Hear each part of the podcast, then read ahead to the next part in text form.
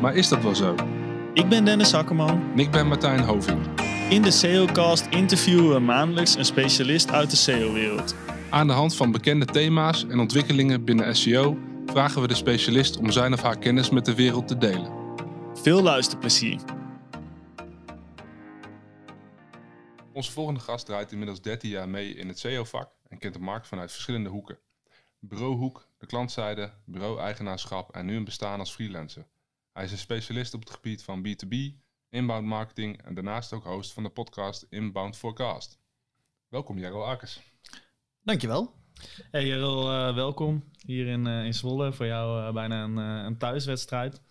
Ehm, we beginnen eigenlijk altijd even met het carrièrepad van, van onze gast. Dus ja, we zijn heel benieuwd. Hoe ben jij zo in de wereld van SEO gerold? Ja, dat is een goede vraag. Lang geleden. Ik denk in 2008 dat ik stage ging lopen bij een uh, reclamebureau. Of ja, bureau die eigenlijk van alles deed. Van drukwerk tot uh, websites tot online marketing. En toen werd er een boek bij mij op tafel gegooid van Kees-Jan Deelstra. Handboek zoekmachine marketing.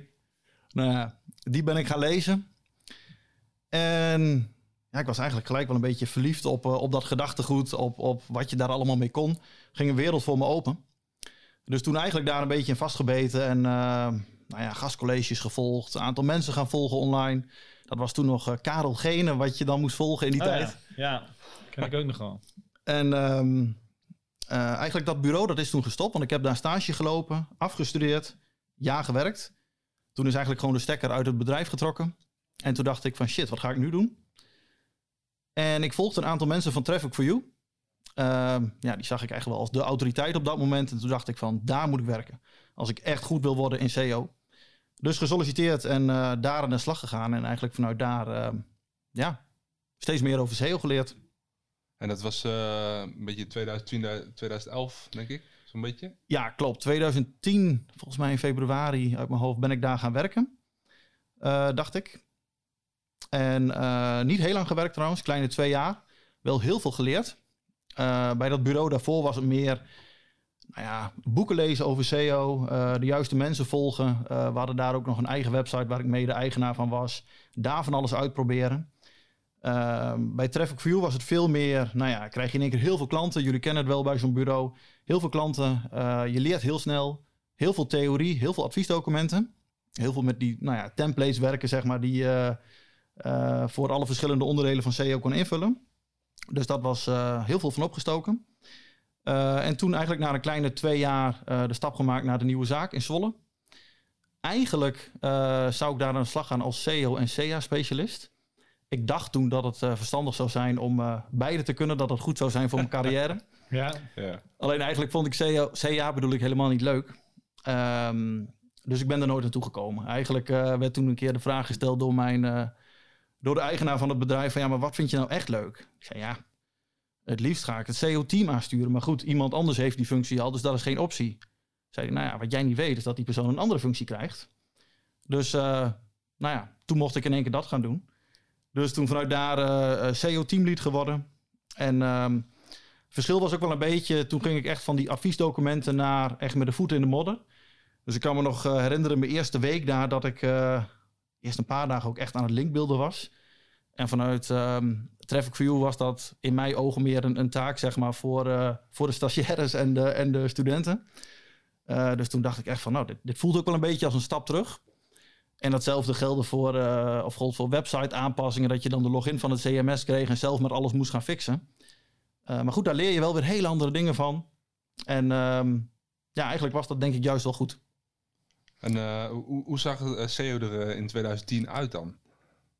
versus nu? Um, nou, dat is wel grappig. Ik denk als je deze vraag aan de meeste mensen stelt, dat ze met allerlei verhalen komen van linkjes kopen en witte tekst op witte achtergronden.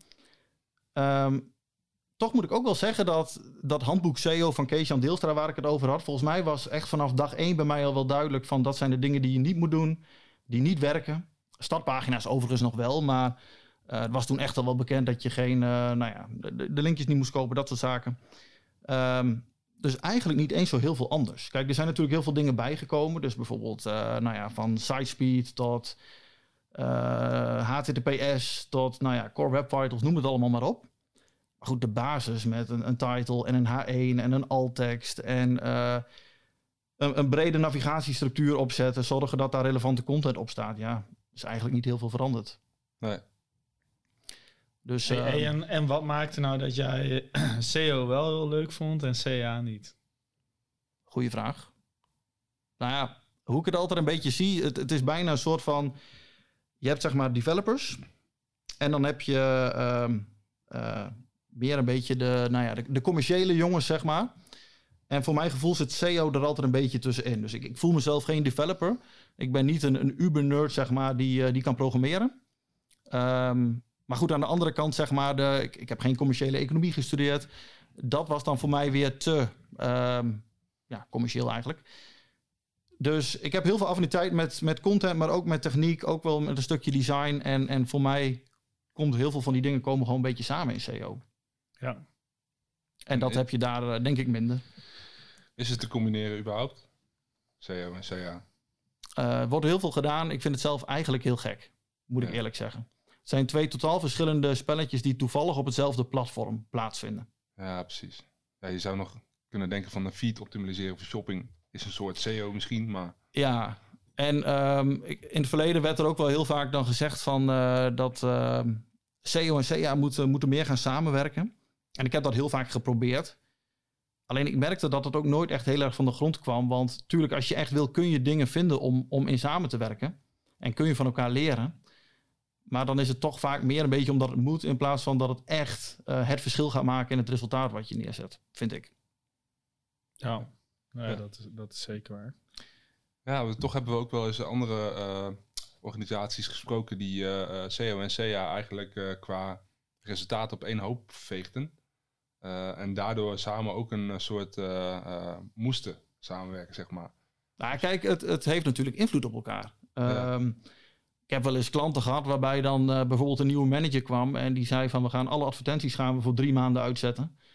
Ja, en toen hoefde ik eigenlijk niks meer te doen, want ik had al mijn doelstellingen gehad.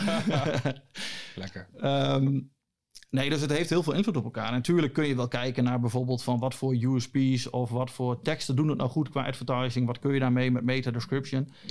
Ehm, maar goed, dan is het ook wel weer heel moeilijk om het resultaat daarvan met SEO door te meten, vind ik. Want dat heeft dan invloed op bijvoorbeeld de CTR. Maar goed, de CTR wordt vooral bepaald door je positie. Ja, ga dat maar eens hard maken. Dat is dan weer lastig, vind ik. Ja. Ja, Dus eh, ik, ik vind dat overrated. Ehm, maar goed, bij de nieuwe zaak. ehm, eh, dus eigenlijk begonnen als SEO-specialist. Toen teamlead na ongeveer een jaar. En ik denk dat het toen ongeveer 2013 was.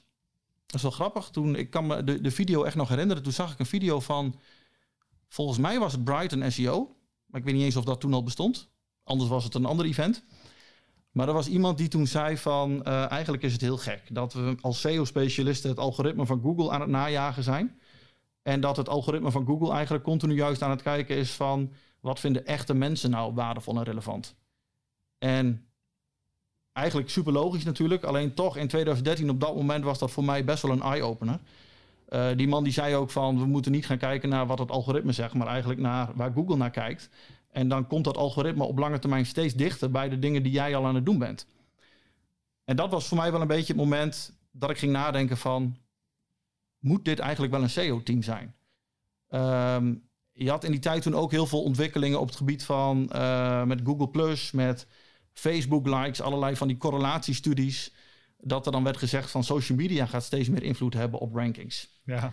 Ehm, en eh, dat er van linkbuilding ook steeds meer werd gezegd van di- linkbuilding zou eigenlijk het gevolg moeten zijn van hele goede digital PR en eigenlijk je marketing heel goed doen. En nou dat gold eigenlijk voor meer dingen, ook het gevolg van goede content marketing. Eh, dus toen dacht ik van ja, ehm, aan de ene kant wil ik dus al die dingen doen, maar het is natuurlijk heel gek om al die dingen te gaan doen en op SEO KPI's afgerekend te worden. Je gaat niet, ehm, nou ja, er even vanuit gaande dat ik toen dacht dat likes op Facebook een belangrijke ranking factor konden gaan worden. Je gaat niet hele vette Facebook campagnes bedenken en dan alleen maar naar je SEO rankings en SEO traffic kijken. Van wat doet dat? Want dan zie je waarschijnlijk niks gebeuren. Is het veel te duur? Eh, nou ja, waarschijnlijk een hele negatieve ROI.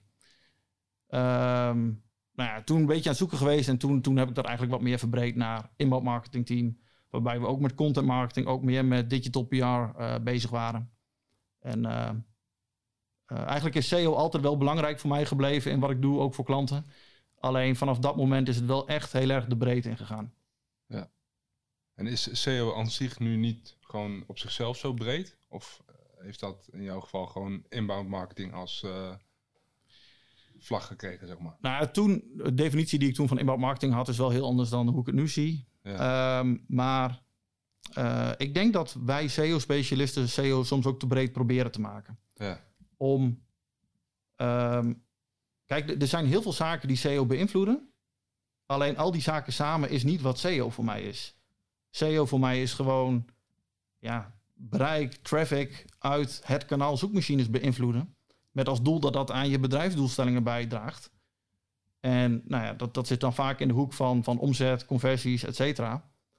Uh, ja, en als het niet dat doet, direct of indirect, dat kan natuurlijk ook uh, vooral in B2B met een langere journey, uh, dat dat niet direct in omzet of conversies resulteert. Maar vroeg of laat zal dat wel moeten. En uh, er wordt natuurlijk heel vaak gezegd van SEO legt een goede basis voor alle andere kanalen zeg maar, om hun werk goed te kunnen doen.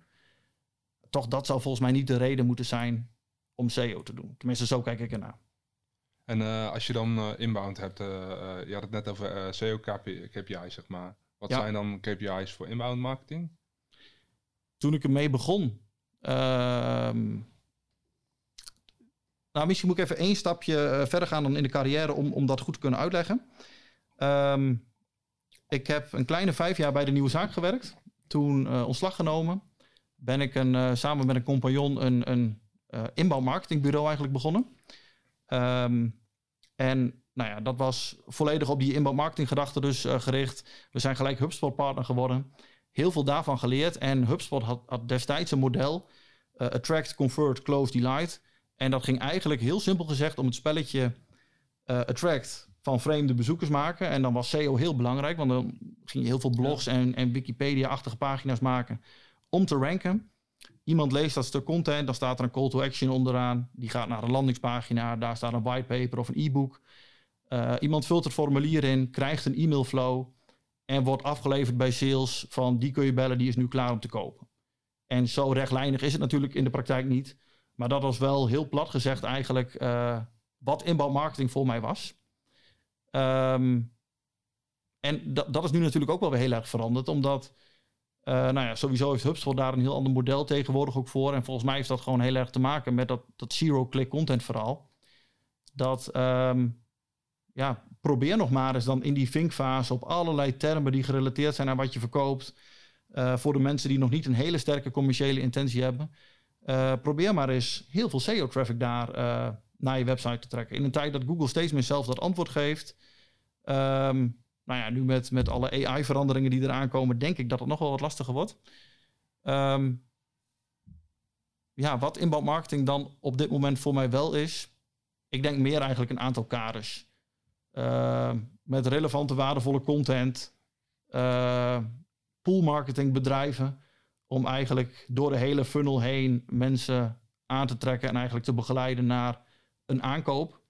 Maar iets minder dat, dat pad met die e-mailflow en van een MQL heel snel een SQL proberen te maken met, uh, met drie e-mails. Ja. ja. Sorry, een beetje off-topic voor, uh, voor SEO dit, maar... Uh... Nou, ik vind het wel een mooi topic, maar...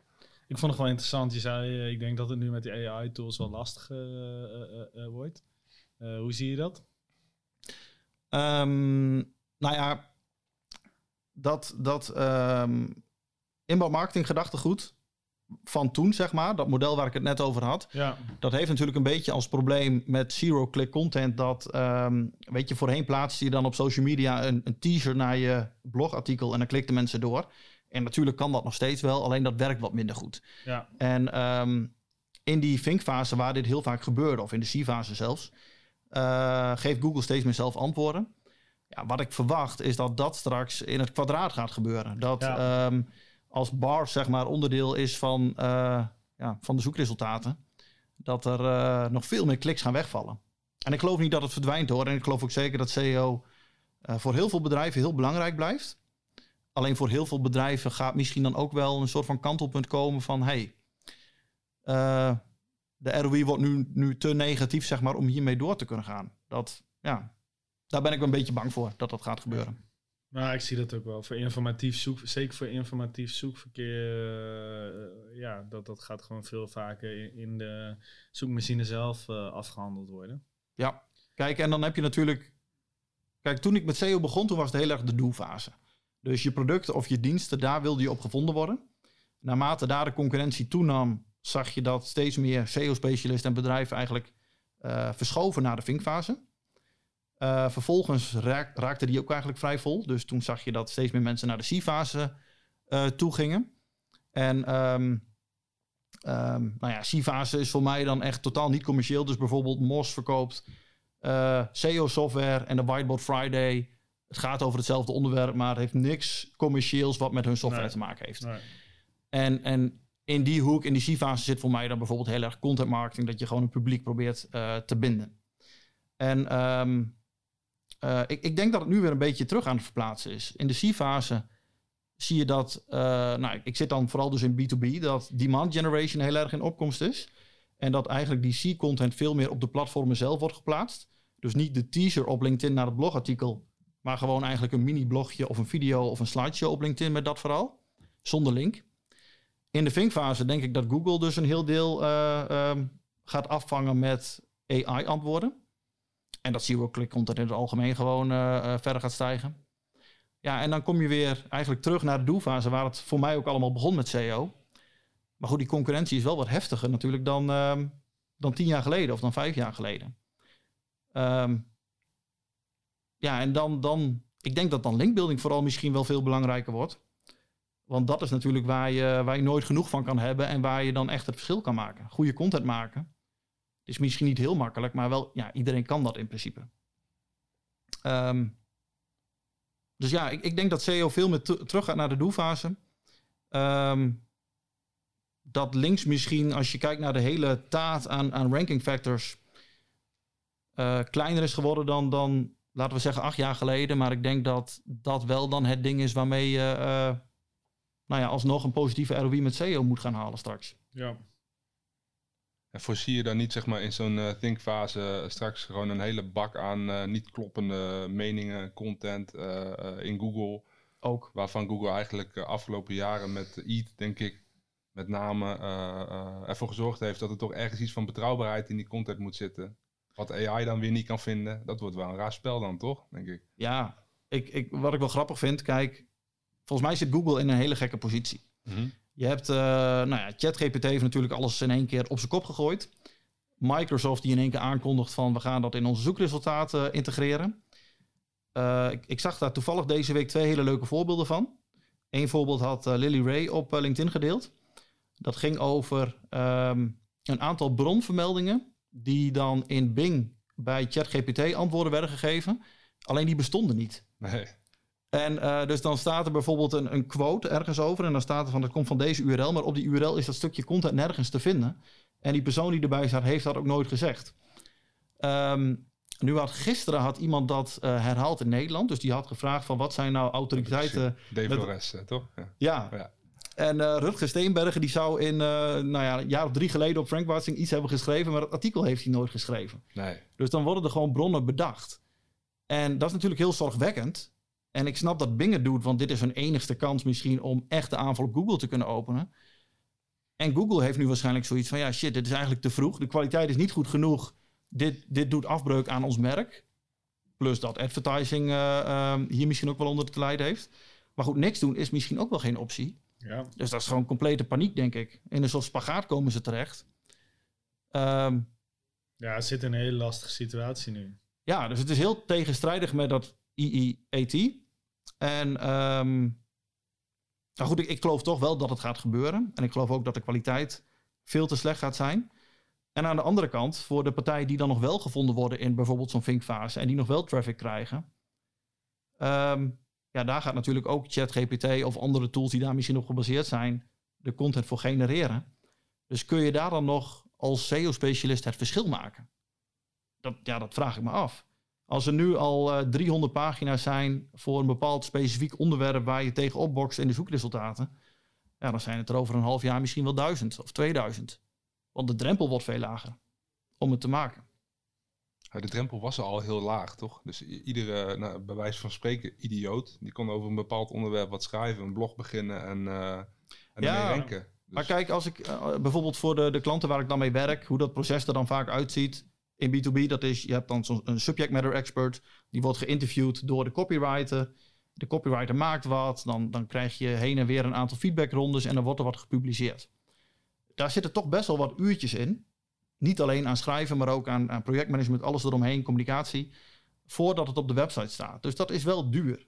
Mhm. Dat, eh, ja, één zo'n stuk content waarschijnlijk, eh, dat, dat heb je niet onder de 500 euro. Maar goed, nu heb je het in een kwartier.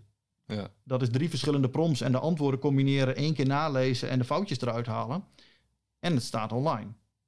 Dus ja, die, die drempel was laag, maar die wordt volgens mij veel lager. Alleen heeft die, dan heeft die subject eh, persoon of de echte specialist het niet geschreven, maar AI. Klopt. Maar zelfs dan, hè. Ik sprak laatst met, eh, nou ja, met zo'n subject matter expert. En ehm, die vertelde mij dus dat hij, dat hij een aantal pagina's op de website door ChatGPT had laten maken. Hij weet echt misschien in Nederland wel het meeste over dat specifieke onderwerp. En hij zei van ja, wat ik kreeg was gewoon echt goed. Mhm. Inhoudelijk niks op aan te merken. Nou ja, hij heeft een paar zinnen heeft hij een beetje verbouwd. Maar voor het doel wat hij met die specifieke pagina had, gewoon uitleggen wat die term is, voldeed dat. En daarom geloof ik ook wel dat het eh, werk van copywriters gaat, eh, gaat kosten. Tuurlijk blijft er altijd behoefte aan copywriters. Ja. Ehm, maar dat wordt wel minder. Voor heel veel teksten is dat niet meer nodig. En wij moeten denk ik gaan nadenken van... willen wij die teksten nog wel gaan maken... omdat we daarmee het verschil misschien niet meer kunnen maken? Moeten we niet veel meer gaan investeren in de, de unieke visie... en perspectief op een bepaald iets eh, door die expert? Ja. En daar kun je AI ook bij gebruiken. Alleen dan is het meer dat, dat jij de input geeft... en dat eh, AI er misschien meer een goed lopend verhaal van maakt. Ja, duidelijk. Maar goed, dan kun je ook weer afvragen. wat is de rol van SEO daarin? Hè? Want SEO is natuurlijk wel. Als je eh, pak een willekeurig topic. Pak bijvoorbeeld nou ja, het woord SEO zelf. Als ik daar in Google naar zoek. Google wil het beste antwoord bovenaan hebben. En de intentie achter het woord SEO, dat, dat zijn er waarschijnlijk twintig verschillende. Dus persoon A wil weten van eh, waar staat de afkorting voor. En persoon B wil weten van eh, hoe begin ik ermee. En nou ja, zo kun je heel veel intenties bedenken. Ehm, dus als jij wil verdienen om op positie 1 te staan, dan moet je eigenlijk gewoon een hele brede pagina hebben die al die stukjes behandelt. Ehm, maar als jij een hele specifieke, unieke visie hebt, dan is dat waarschijnlijk niet het antwoord wat de grote massa op dat moment in Google zoekt. Dat is misschien wel hetgeen waarmee je iemand op LinkedIn aan het denken eh, krijgt, zeg maar. Van hé, hey, wat deze persoon zegt, zo had ik er nog niet naar gekeken. Dat vind ik interessant, ik wil met deze partij gaan werken. Maar of dat in Google werkt, ik denk een stuk moeilijker. Dus ja, boel interessante veranderingen. Zeker, maar ik zat gisteravond ook nog even daarover met mezelf daarover te filosoferen. En toen was ik ook van, stel nou dat echt worst case scenario gaat. Hè? En dat eh, vanuit SEO-perspectief. Dus alle informatieve vraagstukken, die krijg je straks gewoon in Google beantwoord. Google link doet geen bronverwijzing naar de partijen die het opleveren. Zou je dan als publisher die content die jij op je website hebt überhaupt nog laten indexeren door Google? Want Google steelt dan eigenlijk gewoon de, de content van, van de publishers. Goeie vraag. Ja, ik vond dat wel een... eh, Ja, dat is heel, Ja. heel ingewikkeld. Want op het moment dat je dat dus zegt van we gaan dat niet doen, dan doet je concurrent het wel. Dan krijg je weer daar weer een raar spel in, zeg maar. Ja, maar als jij er nou niks meer aan wint, Nee, ja, dan heb je maar je ziet wel al je doen. content eh, eh, daar terug. Maar Maar bijvoorbeeld... ook, zou Google ermee wegkomen? Dat vind ik ook wel een, eh, Ja, een maar groot vraagstuk. Buiten dat vanuit eh, het informatie eh, eh, en content eh, filosofie vanuit SEO eh, is het natuurlijk eh, eh, altijd het idee van ja, we moeten op, eh, als we op een topic willen ranken, dan moeten we over de hele funnel moeten we vindbaar zijn en Dat uh, zoveel waar. mogelijk informatie geven over één bepaald onderwerp.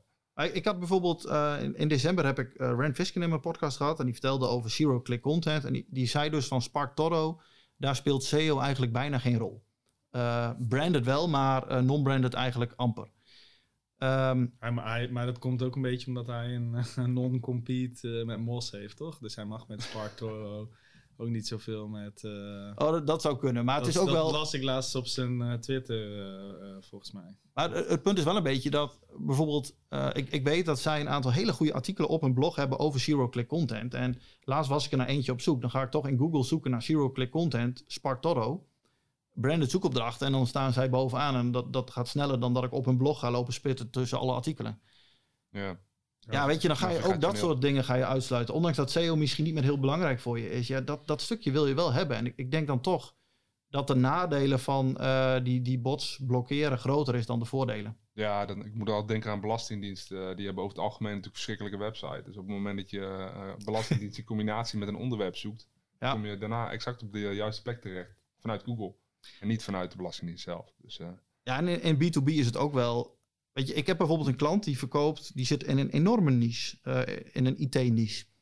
En eh, die richt zich op termen waar wereldwijd tien keer op wordt gezocht en in Nederland nul zoekvolume. Maar ik weet gewoon dat nadat wij met zo'n pagina dan aan de slag zijn geweest, dat hij zegt van hé, hey, ik heb afgelopen jaar, ik weet het niet precies hoe, maar laten we zeggen twee opdrachten binnengehaald. En dat waren beide opdrachten van een paar ton.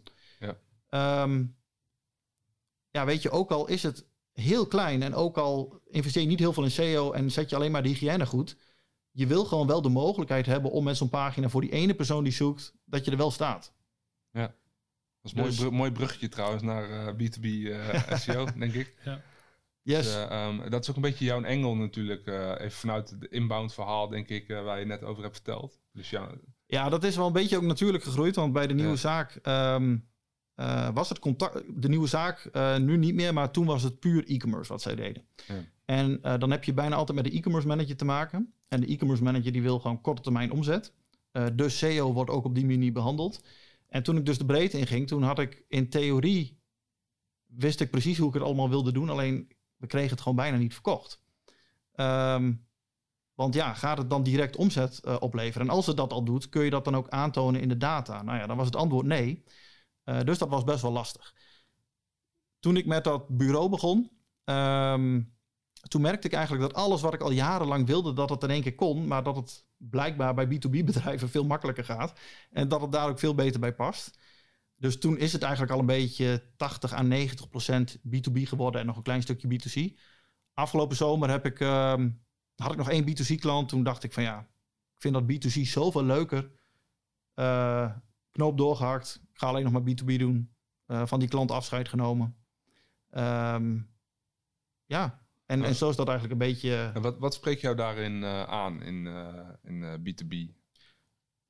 Eh, de journey is natuurlijk vaak veel complexer en langer. Dus eh, vooral bij e-commerce B2C is het vaak van eh, met producten die relatief niet duur zijn. Iemand zoekt in Google en bestelt het direct en, en that's it. Ehm, en dat kan natuurlijk met SEO super interessant zijn. Alleen ik vind het juist leuk om dan misschien wel twintig stukjes content te gaan bedenken. Die allemaal in die journey ergens een plekje hebben. En eh, met SEO zowel daar naartoe te krijgen. Maar vervolgens ook wel na te denken van hoe kunnen we die mensen nou vasthouden? Hoe kunnen we nou zorgen dat ze daarna proactief al dat volgende stukje content krijgen? Ehm, ja, dat vind ik echt super leuk. En dan eh, SEO is daar een, een stukje in. Maar omdat de zoekvolumes vaak heel laag zijn, ga je ook gewoon veel meer praten met, met klanten, met sales. Echt proberen ehm, het product of de dienst en het bedrijf te leren kennen, de doelgroep. Dat vind ik super leuk. En eh, waar begint dat? Stel je voor dat, eh, dat een bedrijf bij je aanklopt en nou, je komt eruit. Waar begin je dan? bij een ingewikkeld B2B product, hè? Ja, ik moet eerlijk zeggen, ik heb niet. Toen ik ooit voor mezelf begon, toen eh, weet ik nog dat ik allemaal producten en, en allemaal standaard dingen zeg maar had gemaakt. Ja, En ik heb ze nog nooit gebruikt.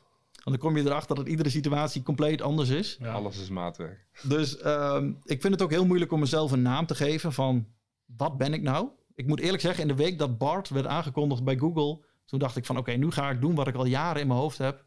Ik heb het woordje SEO uit mijn LinkedIn functietitel gehaald. Maar ja, weet je, bij de ene klant is het meer content marketing, bij de ander meer inbound marketing, weer bij een ander meer demand generation, of wel gewoon puur SEO. Of ja, ik, ik ben nu voor een opdrachtgever in HubSpot gewoon alles aan het recht trekken, zeg maar. Ehm, ja, nu ben ik even kwijt wat je vraag was, maar Ik weet het ook niet meer. ja. Nee, wat je zo aanspreekt in, eh, in B2B en, en waar je begint, zeg maar. Nou Oh ja, waar je begint, ja. vraag. Nee, dus dat is niet, niet op één plek, maar ehm, meer in het algemeen. eh, of eh, laat ik het anders zeggen. Ik denk dat het eh, twee jaar geleden, of een jaar geleden zelfs nog, had ik voor mezelf altijd, ik had een soort van matrix. Dus het oude model van HubSpot met de track convert close. Dat was dan voor mij de horizontale as. En dan had ik verticaal see, think, do, care. Dan krijg je eigenlijk, ehm, moet ik even goed tellen, 12 vakjes. Heel slecht dit. Maar, Zoiets. maar ehm, in ieder geval dat. En wat ik dan vaak deed is, dan, dan was ik bij een opdrachtgever... dan ging ik dat op een, op een whiteboard uittekenen of op een scherm laten zien. En ehm, dan ging ik eigenlijk gewoon heel veel vragen stellen... om te achterhalen van waar zit nou de pijn? Dus zit voor een, een bedrijf de pijn in het aantrekken van mensen... in de bezoekers die ze al hebben... eh, converteren naar lead of naar contact... of naar die contacten daar klanten van maken.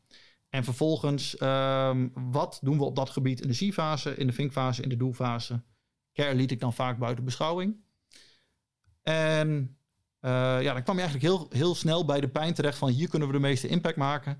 En dan ging je daar een plannetje op maken van oké, dan kunnen we een whitepaper gaan maken. Of we kunnen al deze SEO-pagina's gaan maken. Of nou ja, whatever, dat kan van alles zijn. En sinds een jaar heb ik dat eigenlijk een beetje uit het raam gegooid. En zit ik eh, het demand generation gedachtegoed, dat is nu best wel een hot topic in B2B. Daar geloof ik heel erg in.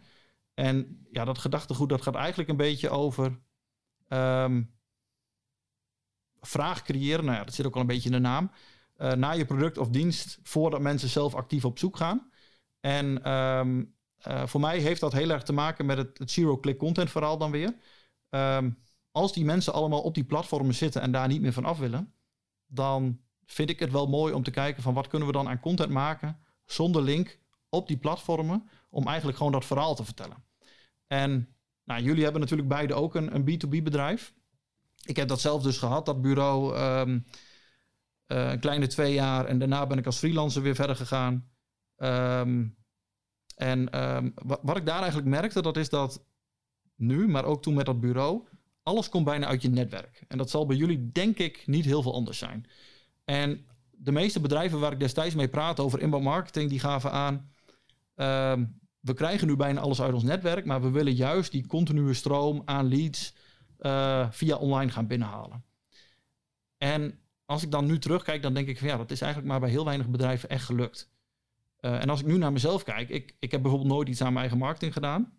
Eh, sinds tien maanden ben ik nou ja, met mijn podcast bezig, dus ben ik eigenlijk best wel actief met mijn eigen marketing. Ik merk dat ik nu veel meer aanvragen krijg van mensen die met mij willen werken.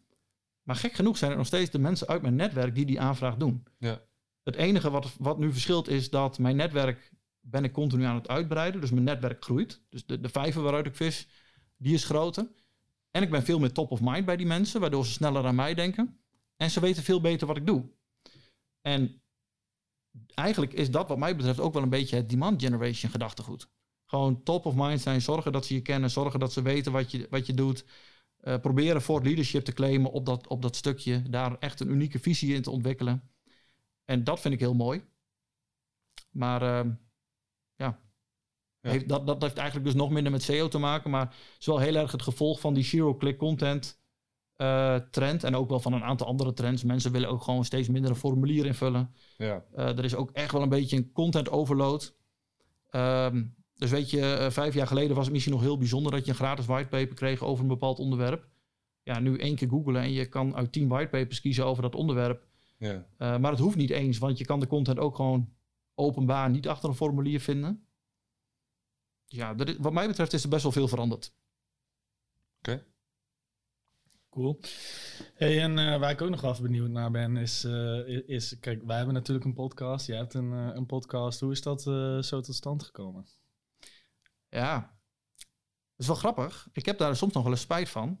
In Oké. eh, 2015, toen had ik thuis al mijn mengpaneeltje staan en eh, eh, microfoon en noem het allemaal maar op. Toen heb ik iemand laten langskomen om het allemaal qua voice processing af te richten om, of af te stellen om, om een podcast te beginnen over SEO.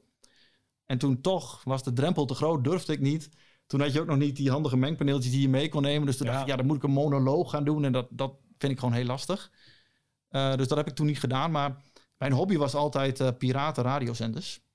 Ah, en ehm, daarom had ik al heel veel apparatuur. En ehm, ik ben al best wel vroeg, ik denk in 2013 of zo, ben ik heel actief begonnen met eh, podcast luisteren. In Nederland had je die toen nog bijna niet, maar in Amerika wel. En nou ja, weet je, het, het stapje om dan zelf een podcast te beginnen is best wel laag. En ik heb eerst twee jaar lang een podcast over die piratenzenders gehad. Eh, heel veel van geleerd. En toen dacht ik van, nou, ik vind nu wel dat ik eh, genoeg geoefend heb... dat ik het nu ook kan gaan doen eh, zakelijk. Voor in mijn ogen toch een iets kritischere doelgroep. Ja, cool. Grappig. Ja. En welke gast ben je het meest trots op die je tot nu toe in je podcast gehad hebt? Oeh. Ik denk toch eh, Joe Politie. Dat is eh, voor, voor mij, in mijn ogen, is dat de uitvinder van content marketing. Zoals we dat nu kennen. Content marketing bestaat al heel lang, maar wel de persoon die, die dat eigenlijk opnieuw heeft uitgevonden. En ik vond Rand Fishkin ook echt heel vet. En Rand Fishkin is denk ik wel groter als je kijkt naar online volgers, dat soort dingen. Maar Joe Politie is toch wel een beetje mijn idool. Ja, en heb je die dan gewoon digitaal opgenomen of ben je daar echt net Nee, dat is wel, eh, wel digitaal. In Nederland probeer ik wel eh, alles zeg maar op locatie te doen. Volgens mij heb ik één uitzondering gehad. Eh, en internationale gasten doe ik allemaal op afstand. Cool. Anders wordt het, eh, dan, dan kom ik helemaal niet meer aan werken toe voor klanten. Nee, dat, dat, eh, dat snap ik wel. Hey, en eh, nou, wij vragen ons, eh onze gast ook altijd even van, naar hun, eh, hun grootste SEO-fuck-up. Eh, is er bij jou wel eens iets eh, extreem mis, eh, misgegaan? Zeker, genoeg. Wil Eh, je het ook delen? ook, ja, ik, ik, deze vraag wist ik natuurlijk eh, dat die ging komen. ja. En ehm, ik heb er even heel goed over nagedacht. Ik denk, ja, er zijn eh, meerdere dingen, denk ik. Weet je, ik denk dat iedere SEO-specialist wel eens heeft meegemaakt dat er een migratie is. En dat dan toch de webbouwer in één keer allemaal 302 redirects eh, gebruikt. Dat soort dingen. Ehm, ik heb, dus iets meer dan tien jaar geleden, maar dat was wel echt eentje die bij mij eh, heel veel indruk heeft achtergelaten. Toen ging er voor een, een groot Nederlands kledingmerk ging de, ging de website live. En ik had toen net die klant gekregen. En toen kreeg ik ook echt volgens mij op de dag medegedeeld van... oké, vandaag gaat ook gelijk de nieuwe site live. toen ging ik kijken. En toen eh, was dus een, een Duitse versie van de website... een Nederlandse en een internationale versie. Alleen als je niet in Nederland zat... dan werd je naar de internationale geredirect. Als je niet in Duitsland zat, hetzelfde. Dus de bestaande Duitse URL's en Nederlandse URL's... allemaal weg uit Google. Omdat Google natuurlijk gewoon die sites niet meer kon bereiken. Dus dat, dat heeft wel heel veel indruk gemaakt. ja en dat was wel echt eh, wekenlang van alles proberen te fixen, zeg maar, om, eh, om dat zo goed mogelijk te herstellen. En, maar goed, daar had ik zelf niet heel veel invloed op. Waar ik misschien zelf wel invloed op had. Ehm, ik ben echt wel eens heel erg de mist in gegaan met linkbuilding. Dat je, ik, ik heb echt wel heel veel hele mooie voorbeelden van dat ik nou, gezien heb dat het echt heel goed werkte. Ehm, maar ook wel dat je dan twee maanden voor een klant bezig bent. Ja, en dat je dan kijkt en dat je denkt van shit. Twee linkjes van hele lage kwaliteit websites die ik bijna niet eens durf te laten zien. En ja, dat je gewoon zoveel tijd en geld erin stopt en dat het eigenlijk te weinig opleverde. Ehm, en dat is trouwens ook de reden geweest dat ik uiteindelijk heb gezegd van ik doe eigenlijk geen linkbuilding meer. Wat- Kijk, ik kun, weet kun je wat bijvoorbeeld- vertellen over hoe je dat linkbuilding stuk dan aanpakte in die tijd? Ehm, nou, de- ook dit is. Dan praat ik ook wel over bijna tien jaar geleden hoor. Maar Ja, ja. eh, het, het is een beetje gegaan van, van de startpagina's naar samenwerkingen. En die samenwerkingen was dan vaak gewoon een kortingscode van een webshop weggeven aan een influencer op fashion of mode of whatever gebied. En die kocht een product en dan gingen ze of gewoon zelf een stukje schrijven of een productreview of een winactie.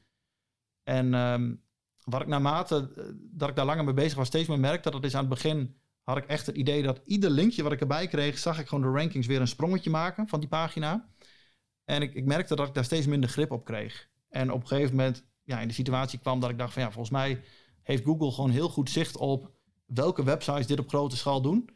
Ehm, ja, dat het voor mij gewoon niet meer goed genoeg werkte. En ik geloof wel dat het kan werken als je daar echt, nou, zoals jullie met, met Seeders ook echt in gespecialiseerd zijn. Alleen dat Ja. ben ik niet. En ehm, ja, dan ga je wel eens de mist in. En, en op een gegeven moment heb ik daar gewoon de stekker voor mezelf uitgetrokken. Ja, snap ik. Dan, als het ook niet volledig, volledig specialiteit is, dan eh, is dat altijd lastig. En dan is het ook in één keer minder leuk om, om, te, om te doen. Ja, Ja. Ook als je er zelf wat minder in gaat geloven, dat je denkt van ja, ik kan dit wel doen, maar ga ik dan niet weer diezelfde, datzelfde scenario hebben, dat het straks te weinig heeft opgeleverd. En dan zoek ik het toch vaak weer in andere dingen, ja. eh, waar ik denk zelf meer eh, winst mee te kunnen halen. Nee. Hey, en eh, we hebben het net eh, ook even gehad natuurlijk over, eh, over je eigen podcast. En, eh, en we raken ook heel veel SEO aan vandaag. Dus eh, heb jij ook tips voor mensen die een podcast hebben om beter vindbaar te worden met de podcast? Ik moet eerlijk zeggen dat mij toevallig, ik, ik kijk bijna nooit, maar eh, ik zat deze week toevallig even een Search Console voor mijn eigen podcast te kijken. Ja. En ik word bijna alleen maar gevonden op de namen van de gasten. Ah ja, En voor de rest eh, doet het weinig. En ik heb de eerste tien afleveringen heb ik een eh, transcript laten maken. ja. Eh, toen dacht ik van, nou ja, dat is heel veel content. Dat gaat heel veel effect hebben. Ja. Ik zie gewoon geen verschil met de eerste tien afleveringen en alles wat daarna kwam. maar dan gaan wij dat niet doen. Dus dat heeft voor mij totaal geen effect gehad. Ehm, waar ik wel heel erg in geloof, podcasting als linkbuilding strategie. Ja, Eh, en ik zei net van ik doe niks meer met linkbuilding. Kijk, dat soort dingetjes probeer ik wel mee te pakken. Ook voor klanten. Ehm, ik heb, nou bijvoorbeeld Erik de Zwart heb ik in de podcast gehad. eh persberichtje van gemaakt. eh, naar spreekbuis.nl toegestuurd. Dus een, een website zeg maar over radio en tv, over dat vakgebied. Nou, dat is door volgens mij drie websites weer overgenomen. Die ook over radio gaan. Met een aantal uitspraken die hij doet in mijn podcast. Ehm, wat dan wel een beetje jammer is, is dat ze allemaal naar mijn Spotify hebben gelinkt en niet naar mijn website. maar eh, dat, dat werkt wel echt goed. En eh, bijvoorbeeld ook, vond ik wel een leuk voorbeeld, Chantal Smink. Heb ik ook in mijn podcast gehad, maar ik ken haar eigenlijk doordat ik in mijn podcast met Roy Huiskus het over haar had. Toen kwam haar boek voorbij. Toen Ja. kreeg ze eigenlijk in die aflevering een compliment voor haar, haar denkwijze. Eh, en dat vond ze zelf zo leuk dat ze dat, die quote op haar website heeft gezet met een linkje naar de podcast. Dus dat soort voorbeeldjes, zeg maar, daar Ja. kan denk ik een podcast heel veel bijdragen. Ehm, en waar ik ook in geloof, alleen dat heb ik zelf in de praktijk nog niet gezien, moet ik eerlijk zeggen. Maar ik geloof wel dat als jij, ehm, nou ja, als je de beste wil zijn met, met SEO, met een bepaalde pagina, moet je het beste antwoord geven. Het beste antwoord heeft met inhoud te maken, maar net zoveel met presentatie. En eh, met presentatie bedoel ik meer van, nou ja, is het één lange lab, labtekst of heb je het heel mooi netjes gestructureerd, is het scanbaar? Maar dat is ook, wil je het lezen, wil je het luisteren, wil je het kijken, wil je het misschien in slides eh er doorheen klikken? Iedereen heeft een andere voorkeur. Dus ik geloof ook wel dat eh, audio een hele mooie manier is om eigenlijk je, je bounce rate, wat niet een KPI is waar ik iets mee doe, maar om je bounce rate zeg maar eh, te verbeteren. dan zou je gewoon als eh, B2B bedrijf eh, een podcast moeten hebben, bij wijze van. En dat Ja. publiceren over bepaalde onderwerpen. Stel dat jij, en, en misschien dat podcast dan wel niet eens de juiste term is, maar stel dat Ja. jij voor al je blogartikelen ook een, een audioversie. Nou, ook Ja. Chantal Smink doet dat volgens mij trouwens. Die spreekt heel vaak volgens mij haar artikel ook in. Eh, ik geloof dat dat de gebruikerssignalen die Google van jouw website krijgt verbetert, omdat meer mensen niet afhaken en op resultaat 2 klikken en daar wel blijven. Ja. Waardoor het indirect, denk ik, een heel positief effect op SEO kan hebben. Nou, het is ook een eh, toegankelijkheidsding misschien, toch? Als mensen niet kunnen lezen, dan kunnen ze wel horen. Ja, klopt. Maar ik, ik heb het ook wel eens gehad dat je, ehm, weet ik veel, ik sta in de lift, ik loop naar mijn auto toe, ik scroll even door LinkedIn heen, ik kom een interessant artikel tegen en dan denk ik van ja, ik stap nu in mijn auto, ik kan hem niet lezen. Dan klik je weg, maar daarna ben je hem kwijt. Ja. Als er dan een audioplayer boven staat, dan stap ik in de auto, druk ik op play. Ja. Ehm, ja, dan kan ik wel Ja. die content consumeren. Dus daar geloof ik heel erg in. Ah, ja. Ja, ja dat is wel, eh, wel interessant. Yep. Cool. Ehm, we zijn alweer aan het einde van onze eh, podcast eh, eh, aangekomen. Ik eh, wil jou enorm bedanken voor jouw eh, eh, komst. Heel interessant. Dankjewel. Leuk, jullie ook bedankt.